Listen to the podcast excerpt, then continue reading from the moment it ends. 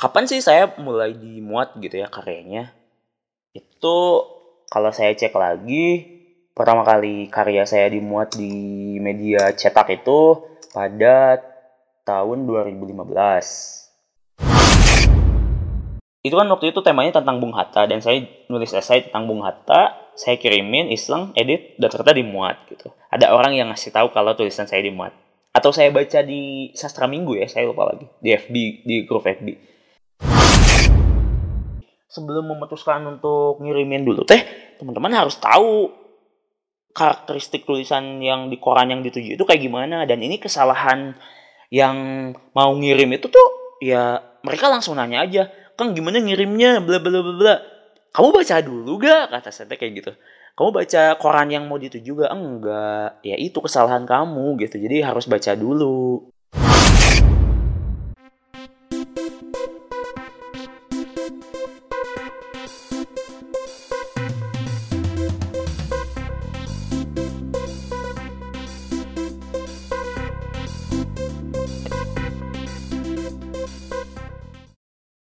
Assalamualaikum warahmatullahi wabarakatuh. Balik lagi sama saya Irfan di podcast Teman Duduk. Hari ini hari Sabtu tanggal 13 Juli 2019 tepat pukul 2 hmm, 36. Saya pengen rekaman lagi setelah sebelumnya hmm, ya udah cukup lama lah uh, itu rekaman 13 ngomongin tentang nulis jurnal harian sekarang juga saya pengen ngomongin masih tentang menulis tapi lebih ke uh, distribusi tulisan.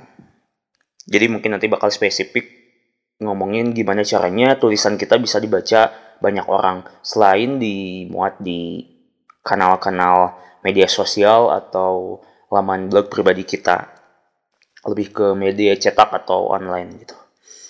Hmm, saya ngelihat podcast sekarang makin cepat pertumbuhannya. Gak tahu sih apakah tiap hari ada podcast terbaru yang bikin podcast di dan tampil di Spotify atau di beberapa platform lain.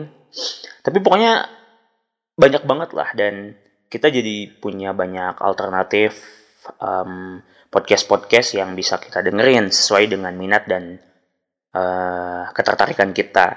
Nah, saya juga gak mau berhenti di episode 13 pengennya ya nyampe episode berapa lah gitu ya. Karena emang ya berbagi lewat audio uh, podcast ini tuh bagi saya sih emang keren banget ya. Terutama memfasilitasi orang-orang yang uh, punya keterbatasan waktu atau mungkin uh, kurang berminat membaca dan uh, media audio ini bisa dijadikan alternatif yang um, meskipun apa ya ya pokoknya harganya murah kemudian bisa dilakuin atau bisa didengerin sam sambil ngelakuin aktivitas lain.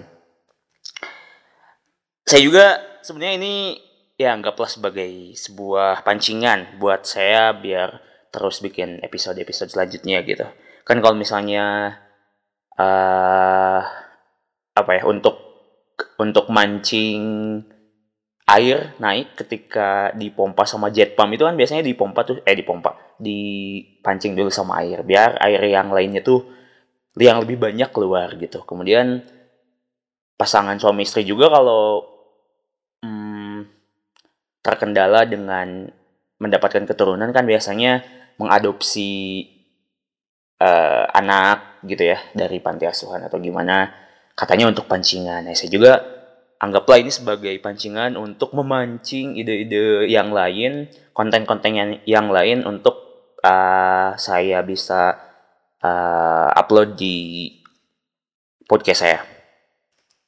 Oke, uh, sekarang saya pengen sharing aja sih sebenarnya bukan bahas yang serius-serius amat soal pengalaman saya uh, ngirim tulisan ke media baik itu cetak maupun daring gitu.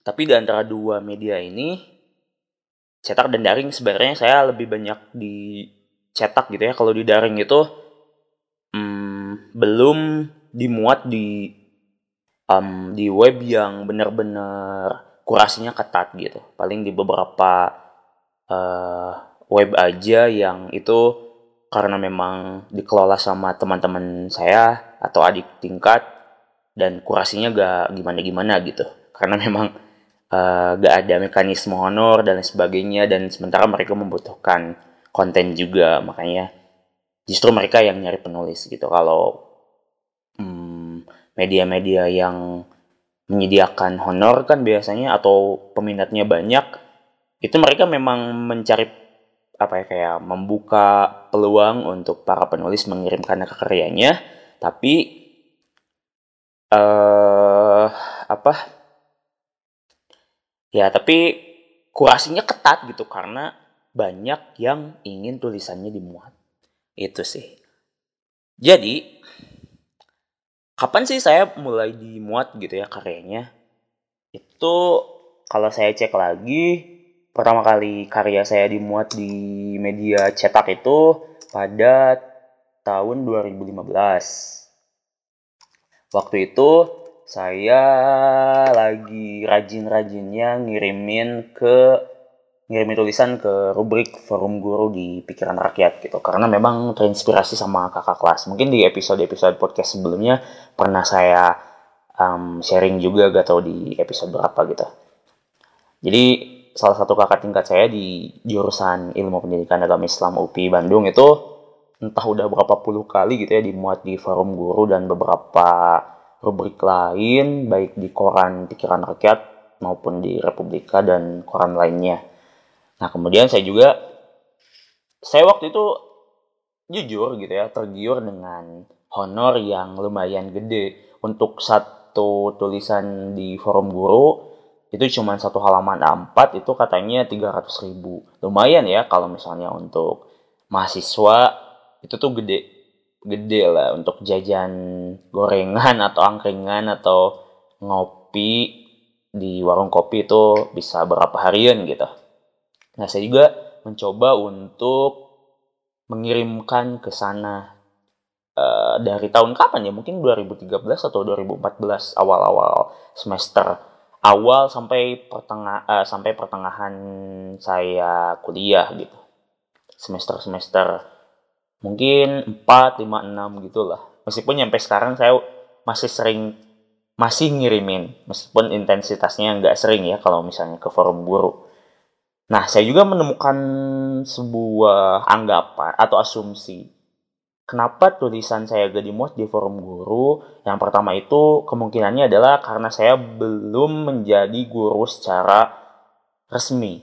Sementara yang saya baca dari dulu gitu ya, itu tuh biasanya si penulis yang dimuat karyanya di sana mencantumkan sebagai guru. Guru baik di SD, SMP, SMA, bahkan kalau gak salah mungkin di MDA juga ada kalau gak salah. Dan beberapa kali juga ada orang-orang yang punya jabatan penting di ranah pendidikan, misalnya kepala dinas atau apa gitu ya.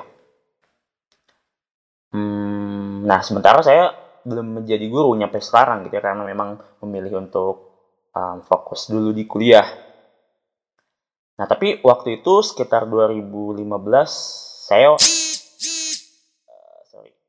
saya lagi PPL waktu itu tuh dan mencoba peruntungan dengan menggunakan titel sebagai guru praktikan uh, pendidikan agama Islam di SM, di salah satu SMA favorit di Bandung untuk nyoba ngirimin tapi masih tetap gak dimuat juga ya mungkin emang tulisannya gitu.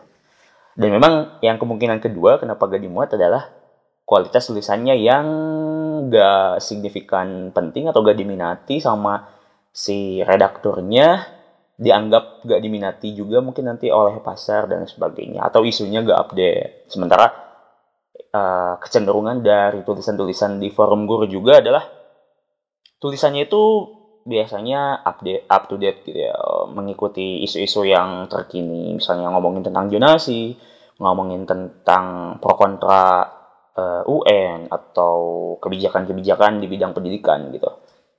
Nah itu dan sampai sekarang mungkin saya ya belum memenuhi dua kriteria ini gitu. meskipun saya tetap penasaran sih kenapa uh, pengen pengen suatu ketika uh, tulisan saya minimal satu kali dimuat gitu. Karena udah tembus satu kali biasanya keterusan dan pengen lagi pengen lagi. Motivasinya entah karena duit lagi lumayan kan tiga ribu atau gak tahu sekarang mungkin bisa jadi lebih atau gimana atau ya untuk eksistensi diri aja dan untuk memperbanyak karya gitu. Nah sementara eh kakak kelas saya ada salah satu kakak kelas itu pernah dimuat satu kali. Kemudian teman saya yang belakangan ngirimin karena memang dia sudah jadi guru dan tulisannya juga update memenuhi dua kriteria yang saya sebutin tadi dia malah ternyata udah berapa kali dimuat di forum guru ini gitu. Ya uh, gak apa-apa sih saya senang aja um, senang ada temen yang dimuat karyanya di media cetak gitu di koran. Um, itu. Nah uh, setelah saya ditolak terus dimu apa dimuat di pikiran rakyat di forum guru tepatnya saya nyobain ke koran lain dong gitu.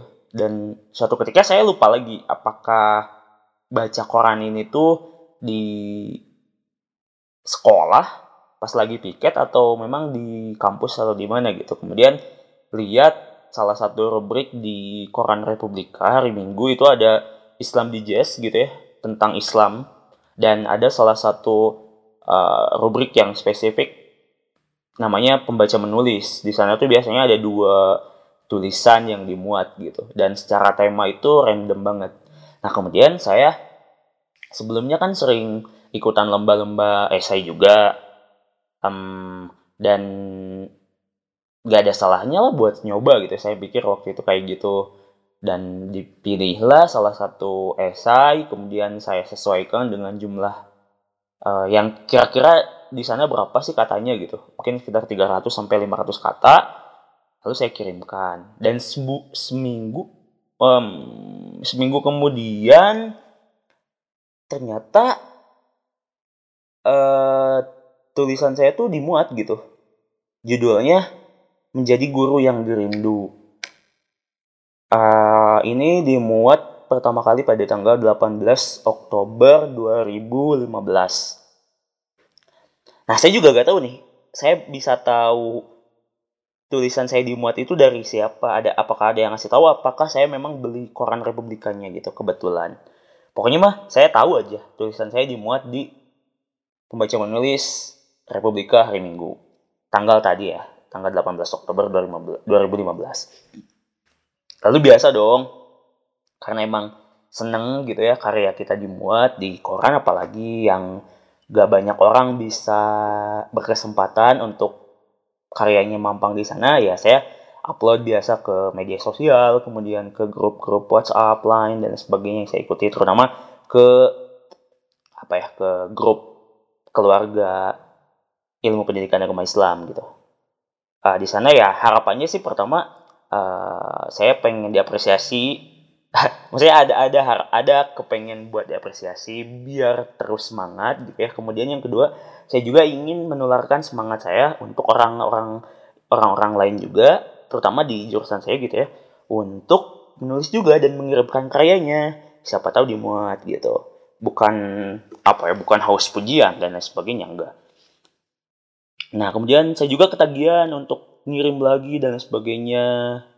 Tapi masih di rubrik yang sama belum ke koran-koran yang lainnya gitu. Lalu tulisan saya dimuat lagi di Republika di rubrik yang sama pada tanggal 8 November 2015 saya masih PPL waktu itu di SMA 3 Bandung. Judulnya menampilkan wajah ramah Islam. Lagi-lagi saya ambil dari esai sih gitu. Dan di tulisan-tulisan yang dimuat uh, selanjutnya uh, saya sebutin ya beberapa yang saya ada dokumentasinya. Karena beberapa ada yang nggak ada juga. Uh, ini ada makna puasa yang luar biasa. Masih di rubrik yang sama ya.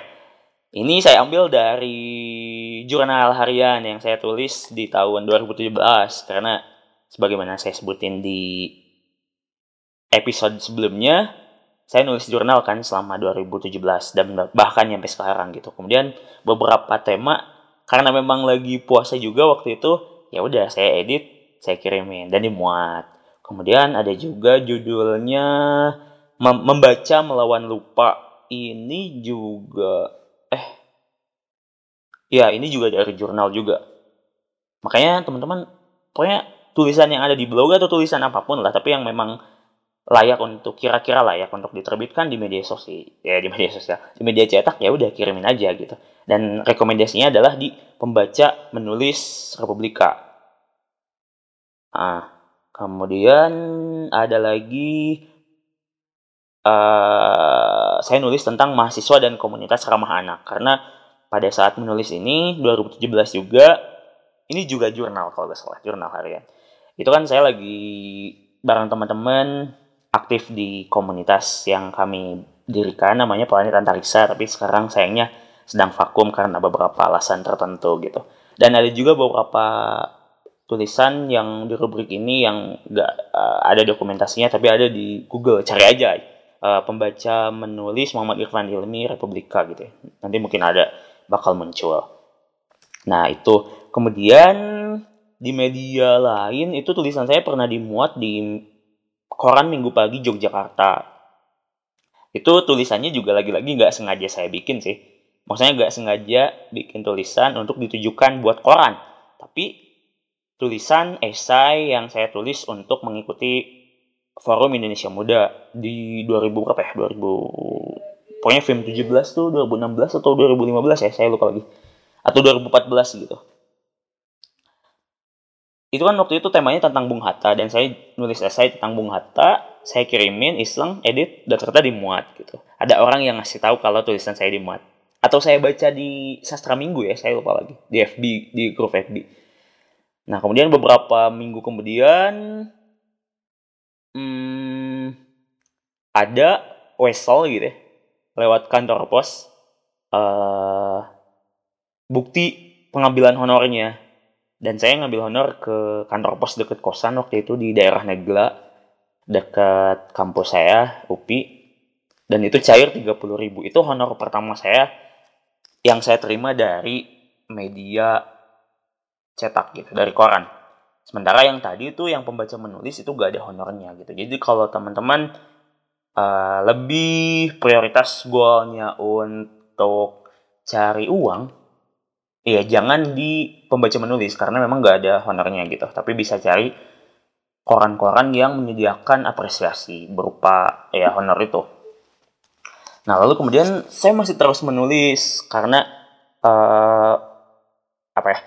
Karya saya dimuat di koran itu bagi saya sendiri adalah sebuah bukti bahwa saya punya potensi untuk menulis. Meskipun ya potensi itu ya harus terus diasah gitu. Kalau misalnya dibiarin, karena memang menulis itu adalah sebuah skill, dan ya harus dilatih gitu. Kalau misalnya skillnya gak dipakai, ya udah hilang gitu. Atau tumpul atau um, ya kesiap sama skill orang lain yang terus diimprove gitu. Nah, lalu di 2017 saya juga sering ceritain ini sih kalau ini kan tulisannya lebih ke esai gitu ya atau tulisan bebas gitu. Nah, kalau yang 2017 ini yang saya sebutin barusan itu tuh itu tuh tulisan berupa puisi uh, puisi ya. Saya sebelumnya udah pernah ceritain dan bahkan di jurnal juga sering dibahas gitu bahwa karya puisi saya tuh pertama kali dimuat di bulan Juli 2017 yang uh, diambil dari jurnal harian juga gitu. Nah itu tuh pertama kali dimuat di rubrik um, pertemuan kecil di koran pikiran rakyat hari Minggu. Nah lalu dari sana saya coba lagi, coba lagi, meskipun karena memang di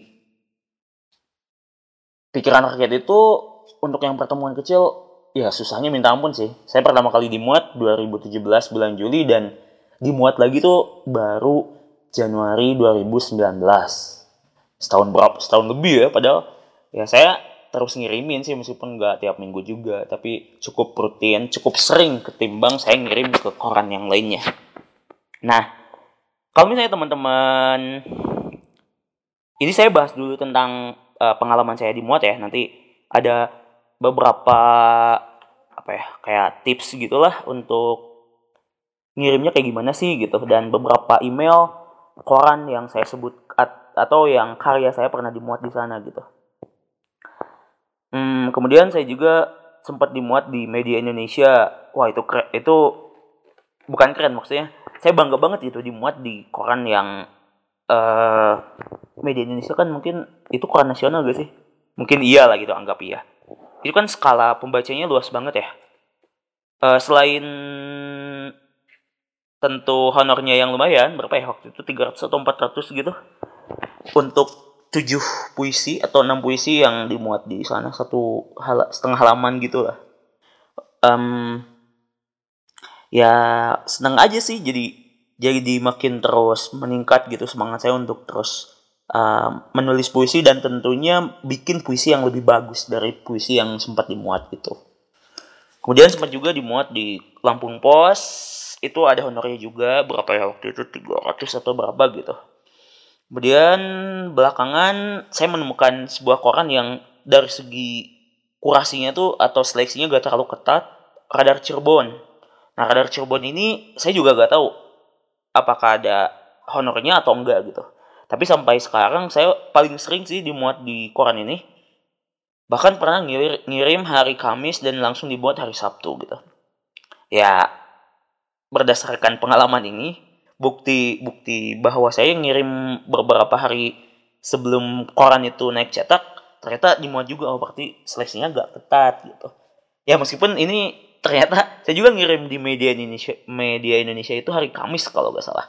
Kemudian dimuat di hari Minggu. Nah ini apakah tulisan saya memang layak muat puisinya atau karena memang kebetulan di minggu-minggu itu gak ada yang ngirim atau gimana? Pokoknya mah saya gak tahu ya. Nah, kayak gitu. Kemudian sempat juga dimuat di radar Tasikmalaya. Itu tuh pas lagi Piala Dunia, Piala Dunia. Saya beberapa beberapa waktu lalu ada yang kayak apa ya nge nge-mention saya di Facebook gitu. Karena dia tuh satu satu halaman bareng saya di radar Cirebon edisi itu eh radar Tasik di edisi itu gitu lalu kemudian uh, saya menambahkan dia sebagai teman kemudian minta nomor teleponnya dan sebagainya untuk uh, minta apa ya minta foto korannya gitu bukti terbitnya uh, yang lebih jelas. Dan sampai sekarang silaturahminya berjalan. Kayak gitu. Kemudian belakangan yang terakhir sih saya sempat dimuat juga di Bangka Pos. Itu lupa lagi berapa berapa lama ya nunggu dari ki, dikirim nyampe dimuat itu yang jelas itu ada honornya. Dan lama juga sih uh, saya nungguin honornya gitu. Saya sempat nanyain ke email tempat saya ngirim kemudian dari balasannya tuh dikasih nomor di bagian keuangannya. Nah beberapa waktu lalu baru saya WA dan katanya selasa ini dikirim honornya. Ya mungkin gak gede-gede banget sih mungkin mungkin seratus ribu atau berapa. Tapi kan lumayan buat beli buku puisi lagi atau buat ngopi buat buat jajan di angkringan atau kebutuhan apalah. Lumayan gitu. Hmm, ya intinya sih ngirim ke media cetak atau koran kalau misalnya kita tujuannya untuk nyari uang itu potensial juga sih. Asalkan kita rajin kemudian serius nulisnya terus riset terus baca lihat karya-karya orang dan sebagainya itu kuncinya. Dan tentu sabar sih karena memang banyak juga orang yang pengen dimuat kan dan lebih bagus karyanya daripada kita. Tapi menurut saya saran saya sih um, ini ini ini personal banget ya. Pentingnya dimuat di koran itu pertama adalah untuk mengokohkan semangat kita untuk menulis. Ya sebenarnya kita bisa menumbuhkan semangat itu dalam diri kita gitu ya secara internal dan itu memang kuat banget gitu uh, bertahannya. Tapi apresiasi atau dorongan dari eksternal juga dalam hal ini dimuat tulisan kita di koran itu penting banget menurut saya. Setidaknya wah kita wah uh, Irfan misalnya udah dimuat tulisannya di koran masa dia gak nulis lagi atau gimana gimana padahal orang udah ngapresiasi gitu.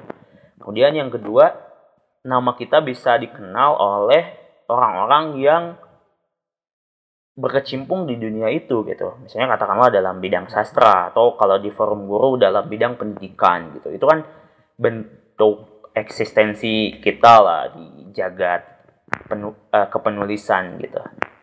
Terutama kepenulisan di koran. Hmm, itu jadi teman-teman sih kalau misalnya udah ada keinginan untuk dimuat karyanya ya ya udah eksekusi aja sih. Tapi kan belum tahu ya caranya. Nanti saya jelasin. Nah itu pengalaman seri pengalaman saya tentang uh, tulisan yang pernah dimuat di koran. Kalau online uh, paling saya dimuat di apa ya tadi sebagaimana sebutin di awal saya sebutin di awal itu belum belum dimuat di web yang memang ngasih honor dan kurasinya ketat gitu. Jadi cuma di uh, di koran eh koran di web yang nggak berbayar yang nggak dibayar aja sih gitu. Meskipun sebenarnya banyak juga peluang-peluang teman-teman untuk tulisannya bisa dimuat. Contohnya misalnya di detik itu teman-teman bisa cari bisa baca-baca juga sih. Yang paling sering itu Kalis Kalis Mardiasi. Kemudian itu sih yang saya sering baca mah. Dan itu katanya honornya lumayan. Teman-teman bisa coba sih detik satu detik. Kemudian kalau teman-teman sukanya sastra bisa ngirim ke basabasi.co itu ada banyak rubriknya eh ada eh, ada banyak ada rubriknya tuh ada cerpen puisi esai resensi dan lain sebagainya banyak banget teman-teman sesuaiin aja sih kalau misalnya sukanya nulis esai ya udah ngirimnya esai Nah, kemudian ada juga yang ngasih honor itu di buruan.co. Beberapa belakangan sih yang ngasih honor gitu. Terutama di tanggal 10 kalau salah atau tanggal 20 ya, tiap bulannya itu memuat karya-karya yang ngirim gitu. Ada puisi, ada cerpen dan lain sebagainya. Dan masih banyak banget sih sebenarnya media-media um, yang menyediakan ruang-ruang bagi penulis untuk mempublikasikan karyanya dan tentu diapresiasi. Mojok juga, oh ya Mojok ya. Teman-teman suka baca Mojok gak? Nah itu Mojok masih honor, tapi memang susah juga sih. Saya belum belum nyoba sih nulis ke Mojok karena memang harus menyesuaikan dengan cara nulisnya Mojok juga gitu, yang nyeleneh, yang satir, tapi memang tetap keren gitu. Dan belakangan saya tahu Naya gitu ya, Abinaya Gina Jamela itu penulis muda 9 tahun atau sekarang udah 10 tahun mungkin dan nerbitin dua buku, satu kumpulan puisi dan dua kumpulan cerpen itu dimuat di sana gitu. Baca, cari aja ya tulisannya Naya. Wah, itu keren banget. Hmm, nah, saya pengalaman di online-nya mah masih sangat kurang banget gitu. Tapi teman-teman bisa cari sendiri aja sih dan itu yang barusan saya sebutin itu beberapa yang mungkin bisa jadi opsi teman-teman untuk mengirimkan tulisannya ke sana gitu. Saya punya sih sebenarnya list email-email dan media-media yang uh, media online yang bisa teman-teman cobain, tapi kayaknya kalau disebutin di sini kepanjangan ya. Teman-teman mungkin bisa DM saya aja di Instagram @irfanilmiah, i r f a n i l m y a h. Nanti mungkin saya kasih rekomendasi gitu. Tapi saya gak bakalan ngasih semua emailnya. Karena pengalaman saya tuh kalau ngasih secara gampang kayak gitu tuh biasanya gak dipakai gitu. Cuman cuman diminta doang penasaran di awal kemudian dilupain. Jadi ya udah teman-teman mungkin saya kasih dua atau tiga atau empat atau lima gitu uh, media yang kira-kira bisa teman-teman cobain. Nah kalau misalnya udah di udah di udah ngirim dan udah terbukti dimuat dan teman-teman minta lagi fun minta lagi. Ya udah saya kasih gitu. Tapi kalau kalau cuma minta semuanya tanpa ada apa ya tanpa ada keseriusan aduh saya males banget. Termasuk kalau ngasih contoh-contoh tulisan juara gitu ya esai isi cerpen kalau minta semuanya tuh males gitu pengalaman adik-adik tingkat saya juga dikasih kayak gitu saya yakin gak dibaca gitu cuman diminta doang Aduh. Hmm, Nah, itu yang online ya. Nah, kalau yang cetak kita masuk ke cara ngirimnya. Cara ngirimnya sih sebenarnya biasa-biasa aja sih.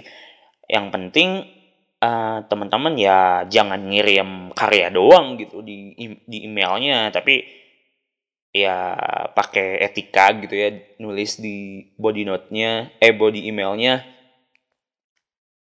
pengantar gitu. Misalnya contohnya kalau saya ya contohnya tuh uh, biasanya kasih titik mangsa dulu Bandung uh, eh, 13 Juli 2019 kepada yang terhormat redaktur misalnya PR ya redaktur puisi pikiran rakyat di tempat. Bersama surat elektronik ini saya sebutin Muhammad Irfan ini bla bla bla bla alamat nomor rekening nomor HP dan lain sebagainya benar telah mengirimkan karya puisi puisi karya sendiri dan belum pernah dipublikasikan di media lain bla bla bla. Mudah-mudahan redaktur puisi pikiran rakyat mempertimbangkan puisi saya untuk dimuat di koran tersebut. Udah gitu aja. Terima kasih. Uh, wassalamualaikum warahmatullahi wabarakatuh. Muhammad Irfan Ilmi. Lalu di dalamnya ada karya kita ya puisinya uh, sekitar 4 sampai 6 puisi atau 10 puisi bebas lah sekitar segituan gitu. Lalu di dalamnya dikasih keterangan misalnya Muhammad Irfan Ilmi bergiat di komunitas Biblioforum. Buku pertamanya berjudul Abadi di Telapak Kaki dan udah kayak gitulah pokoknya mah hal-hal yang kira-kira penting untuk dicantumkan. Udah ngirim aja. Nah kalau bisa sih kalau udah ngirim gitu kita nggak terlalu nungguin si karyanya dimuat gitu. Tapi nulis lagi kemudian ngirim lagi nulis lagi ngirim lagi. Jadi kita punya stok punya stok kemungkinan untuk ada kabar baik gitu bahwa karya kita dimuat. Gitu. Ya kita penting sih buat optimis karyanya dimuat tapi kita juga harus siap kalau misalnya karyanya gak dimuat karena banyak karya yang lebih bagus yang dikirim ke media yang bersangkutan. Sampai sekarang saya belum pernah ngirimin tulisan ke Tempo, ke Kompas karena merasa bahwa tulisan saya juga nggak layak untuk dimuat di sana gitu. Nah teman-teman, udah ya itu cara ngirimnya. Oh ya sebelum sebelum ke ini, hmm, saya pengen rekomendasiin biar teman-teman apa ya uh, termotivasi gitu ya. Saya coba rekomendasiin teman-teman untuk ngirim dulu kalau puisi. Karena berdasarkan pengalaman saya itu cobain kirim dulu ke Radar Cirebon. Emailnya itu teman-teman bisa catat. Um, bentar. Radar Cirebon Puisi, cerpen, dan resensi itu bisa dikirimkan ke radar underscore wacana at yahoo.co.id. Dari beberapa koran yang saya pernah dimuat di sana itu si radar Cirebon ini tuh relatif gampang gitu. Karena beberapa anak SMA juga yang puisinya menurut saya gak terlalu gimana-gimana dimuat juga di radar Cirebon ini. Jadi teman-teman bisa kirimin dulu ke sini. Kemudian hmm, ya tunggu aja sih tunggu aja. Mudah-mudahan dimuat gitu. Kalau misalnya udah sekali dimuat teman-teman bisa naik lagi ke ke koran yang kira-kira seleksinya lebih ketat lagi gitu. Misalnya nah ini saya cobain eh coba coba nyebutin beberapa email koran yang saya pernah dimuat ya. Bangka Pos. Teman-teman bisa kirim ke cerpen dan puisinya ke edisi minggu at gmail.com itu Bangka Pos. Kemudian Media Indonesia untuk cerpen, teman-teman bisa ngirim ke cerpenmi at mediaindonesia.com. Kalau puisi, bisa ke puisi at mediaindonesia.com, kemudian dicece ke miweekend at mediaindonesia.com.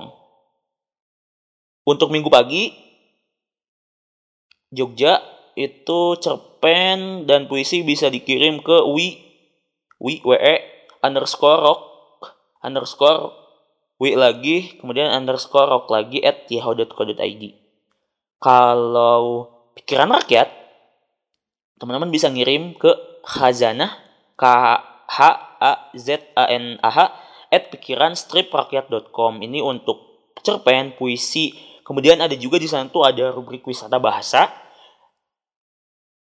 Wisata bahasa juga ada honornya. Teman saya beberapa kali dimuat juga di sana.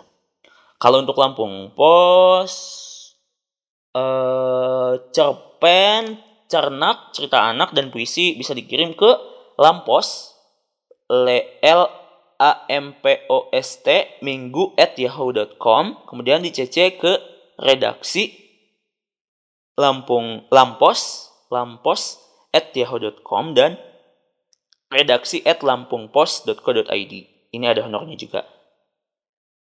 Uh, radar tasik saya agak lupa lagi eh pokoknya nanti DM aja ya. DM aja ke saya. Tadi udah disebutin kan uh, Instagramnya apa. Hmm, nah itu beberapa alamat uh, koran yang teman-teman bisa cobain. Sebenarnya masih banyak. Saya saya ini punya punya punya list email gitu ya. Baik yang ngasih honor atau enggak. Baik yang cetak maupun online. Dari seorang penyair asal Indramayu yang dia tuh hampir tiap minggu puisinya dimuat di koran gitu. Eh kita ada puisi, ada cerpen, pokoknya seminggu tuh bisa dua, bisa kadang tiga di beberapa koran di Indonesia gitu. Kan keren banget. Dan saya alhamdulillahnya dikasih sama beliau gitu. Tapi saya tadi sebagaimana sebagaimana saya omongin gak bakal ngasih ini kecuali teman-teman udah kebukti dimuat gitu. Atau misalnya ngirim aja ya. Nanti mungkin saya kasih Uh, terus yang nggak kalah penting nih ketika teman-teman memutuskan untuk ngirim karyanya adalah teman-teman baca dulu korannya coy. Gimana? Gimana Van? Uh, males ah beli koran mahal. Murah tuh PR cuman 4000 teman-teman gak usah beli tiap hari sih.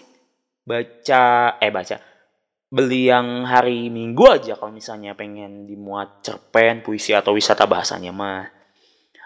Atau kalau misalnya forum guru itu forum guru gak jelas sih kadang-kadang harinya teh uh, gak, gak dalam seminggu tuh gak tiap hari gitu yang forum guru saya gak ngikutin lagi sih itu apakah tiap hari Selasa, uh, Rabu atau Kamis gitu.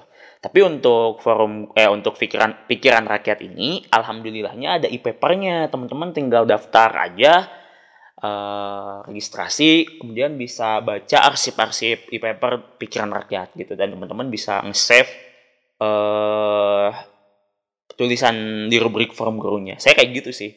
Meskipun gak tiap hari juga uh, apa ya baca baca forum guru itu. Kalau dulu Republika itu saya bisa ngecek tiap minggu karena gratis juga e-papernya. Kalau sekarang udah bayar. Tempo berbayar, Kompas berbayar. Kalau yang uh, kalau yang gratis, contohnya apa lagi? Oh iya, kedaulatan rakyat Jogja itu gratis. Teman-teman bisa daftar juga. Gitu sih. Jadi sebelum memutuskan untuk ngirimin dulu teh, teman-teman harus tahu karakteristik tulisan yang di koran yang dituju itu kayak gimana dan ini kesalahan yang mau ngirim itu tuh ya mereka langsung nanya aja kang gimana ngirimnya bla bla bla bla kamu baca dulu gak kata saya kayak gitu kamu baca koran yang mau dituju juga? Enggak. Ya itu kesalahan kamu gitu. Jadi harus baca dulu. Atau teman-teman kalau misalnya kesulitan untuk tahu uh, apa ya tulisan-tulisan yang dimuat bisa gabung di grup Facebook kalau yang masih punya Facebook di Sastra Minggu atau di grup Sastra Koran Majalah. Itu dimuat bukan dibuat sih kayak di share gitulah uh, halaman koran yang memuat karya sastra di tiap minggunya. Teman-teman bisa baca di sana. Ya meskipun ada juga beberapa foto yang gak jelas gitu. Tapi lumayan aja sih. Banyak lah yang jelasnya juga. Itu bisa teman-teman bisa baca dan bisa menakar diri teman-teman puisi uh, atau karya-karyanya layak atau enggak dimuat di koran ini gitu. Saya juga kayak gitu sih. Uh, ya riset dulu penting gitu. Jangan asal apa ya jangan asal nulis kemudian kita ngirim acak aja ke media-media gitu kita juga harus menyesuaikan dengan uh, gaya dari si media yang dituju itu. Kemudian ya tentu selain teman-teman baca dulu, riset dulu, adalah teman-teman itu jangan mudah putus asa gitu. Dan ini tuh penyebabnya mungkin kurang kuat di why-nya. Mengapa teman-teman ingin tulisannya dimuat di koran gitu? Kuatin dulu apa sih? Kenapa kenapa tulisan saya di, harus dimuat di koran? Oh bisa misalnya karena biar dibaca banyak orang karena cakupannya nasional. Kemudian kalau dibaca orang-orang se Indonesia kenapa? Nah itu harus benar-benar sampai ke ke jawaban yang gak ada gak apa ya? Hmm, yang yang gak ditanyain lagi gitu dari si jawaban itu teh. Nah itu berarti teman-teman why-nya udah kuat dimuat di koran gitu tulisannya. Um, nah ya uh, ya saya ada ada cerita nih tentang keunikan salah satu kenalan saya di kampus fiksi non fiksi di Jogja tahun 2015 itu tuh ada seseorang yang dia tuh dia dia lebih banyak lah lebih banyak dimuat daripada saya gitu waktu itu 2015 meskipun sekarang agak vakum dan fokus di penjualan buku. Nah beliau tuh katanya kalau pergi ke daerah-daerah tertentu, misalnya ke Bandung, ke Tasik, Jogja, mana-mana uh, Semarang, Solo, si Mas itu tuh, si Mas W ini tuh selalu menyempatkan untuk membeli koran gitu, karena mungkin uh, dengan apa ya, untuk tujuan referensi uh, ngirim tulisan ke koran tersebut gitu karena biasanya memang di bawah si cerpen atau puisi itu tuh ada ketentuan cara pengiriman karyanya misalnya emailnya ke sini kalau di kalau di kedaulatan rakyat itu di bawahnya ada kirimkan 3 sampai 6 puisi. Itu kan udah jelas ya spesifik. Sementara yang lain enggak gitu. Tapi teman-teman meskipun enggak ada juga di korannya tuh teman-teman bisa googling aja sih banyak di sana ketentuannya kayak gimana gitu. Nah si mas ini tuh bagi saya menarik banget ya. Uh, misalnya datang ke Ciamis, di sana ada koran lokal, koran daerah, kemudian beli, kemudian kalau misalnya ada ketentuannya nyoba ngirim ke sana, itu kan peluangnya lebih lebih berpeluang gede ketimbang teman-teman ngirimin ke media yang nasional yang udah bergengsi semacam Tempo, Kompas, Jawa Pos, um, Riau Pos Padang Express dan lain sebagainya gitu kan mungkin agak-agak susah ya. Teman-teman bisa cobain dulu dari yang bertahap. Misalnya kalau untuk cerpen jangan dulu ke Kompas jangan dulu ke Tempo tapi kirimin dulu ke Tribun Jabar.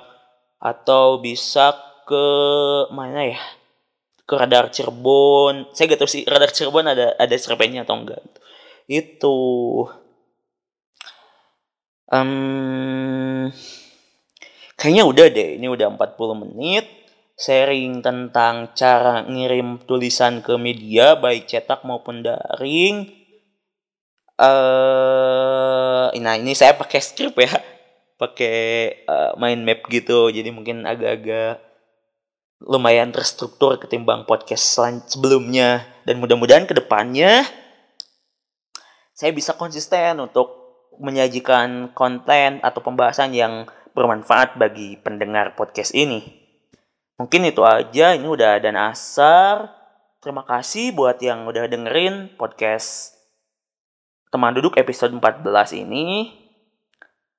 Saya minta doanya dan dukungannya atau kalau teman-teman perlu tagih saya untuk episode-episode selanjutnya. Karena memang udah ada planning, saya pengen ngomong sama mantan Presma UPI, pengen ngomong tentang politik sama senior saya yang juga penerima beasiswa dari Kemenpora, pengen ngomong sama orang-orang keren lah gitu di di sekitaran saya atau kenalan-kenalan saya.